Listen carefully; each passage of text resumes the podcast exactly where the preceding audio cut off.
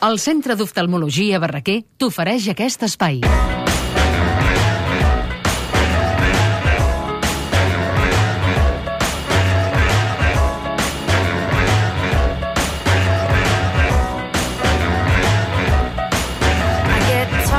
Vinga, és el moment de passar pel Far de Vilanova per escoltar música, per anar cap al grec a escoltar veus i a l'Art Santa Mònica per ensumar una exposició. També comprarem joies de reciclats i ens mourem al so més jove de casa nostra, el del Sonar Kids. I com sempre ho farem de la mà de la Pepa Ferrer i cantarem allò de... Visca la Pepa! Vinga, va, comencem anant a un festival de culte, un dels festivals d'estiu més bonics de veure i amb més brisa marina. A single perfect dewdrop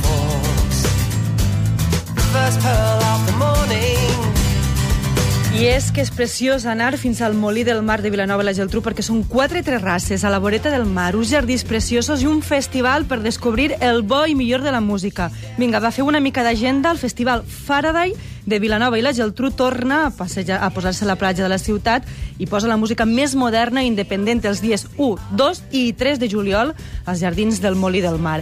Els concerts començaran a les 7 de la vesprada els tres dies. Els caps de cartell de divendres, els de Hic Lamas i els de Brutons, aquí esteu escoltant, que actuaran per aquest ordre a partir de les 11 de la nit. El dissabte, dia 2, hi haurà el canadenc Ron Setsmith i els Standstill, i el diumenge, dia 3, John Grant.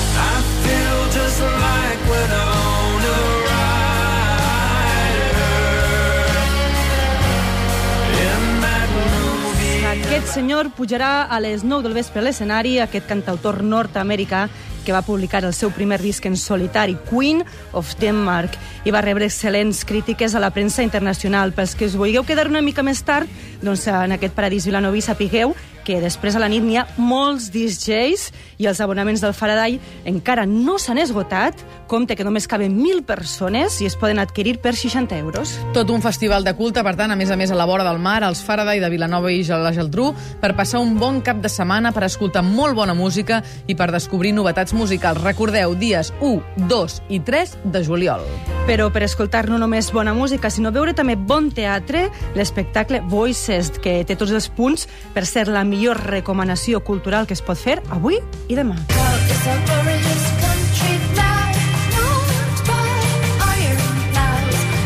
I algú es podria preguntar què fa Nick Cave i PJ Harvey tornant a Barcelona si fa dues setmanes van estar aquí pel Primavera Sound? Què doncs fan? mira, què fan? Doncs no tornen per cantar, com a mínim no en directe, sinó per formar part d'una obra de teatre. Ja sabeu que el grec va començar el divendres, el grec 2011, de, i avui, i demà, de la mà de Calixto Vieito, una de les millors obres que es pot veure.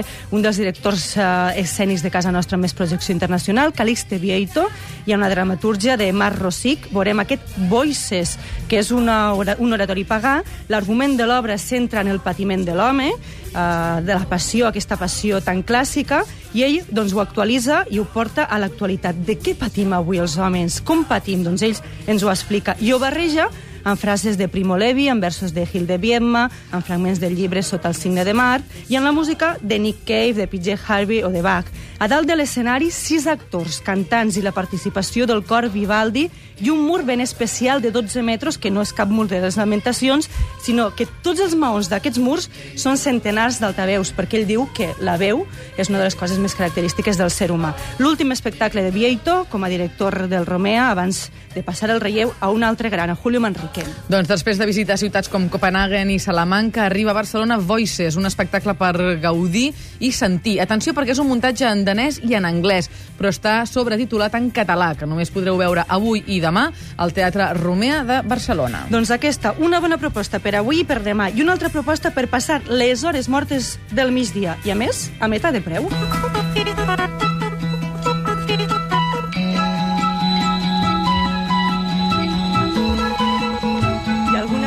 Una altra d'aquestes preguntes que m'agrada llançar a mi. Què feu vosaltres al migdia quan teniu dues hores mortes d'aquelles de dir entre eh, què faig, què faig?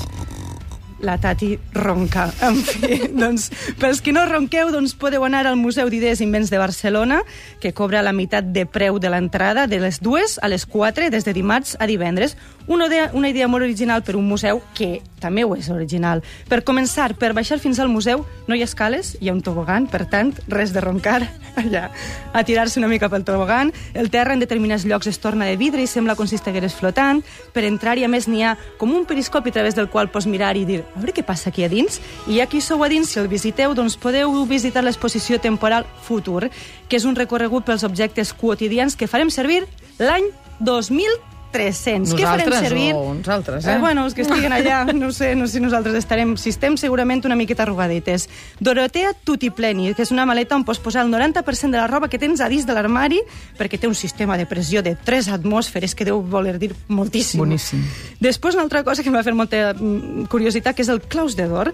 Resulta que les acadèmies d'idiomes eh, deixaran d'existir a partir del 2123. Per què? Perquè la gent de- d'arreu de, tot el món parlarà una barreja que és el 50% del seu idioma autòcton i l'altre 50% serà anglès. Llavors sortiran unes noves acadèmies que el que t'ensenyen és el teu propi idioma perquè el pugues parlar bé sense barreja. Doncs ja ho sabeu, eh? de dimarts a divendres, entre les dues i les 4, el Museu d'Idees i Invents de Barcelona redueix el preu de l'entrada al 50% perquè aprofiteu l'hora de dinar i combineu un menú amb una visita cultural. Doncs si ara una mica per comprar una mica d'art, una proposta per art.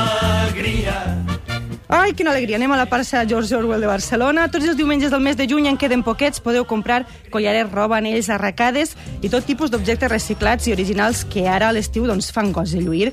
Agulles fetes amb auriculars de telèfon, anells de globus, collarets o llums fets a partir de culleres i estris de cuina. Per cert, uh, unes pulseretes feste, fetes d'una mm, d'estris de cuina que jo crec que seran la tendència d'aquest estiu. Jo n'he vist en forma de forquilla, eh? Aquestes, aquestes, m'agrada Veus? molt. Oi que sí?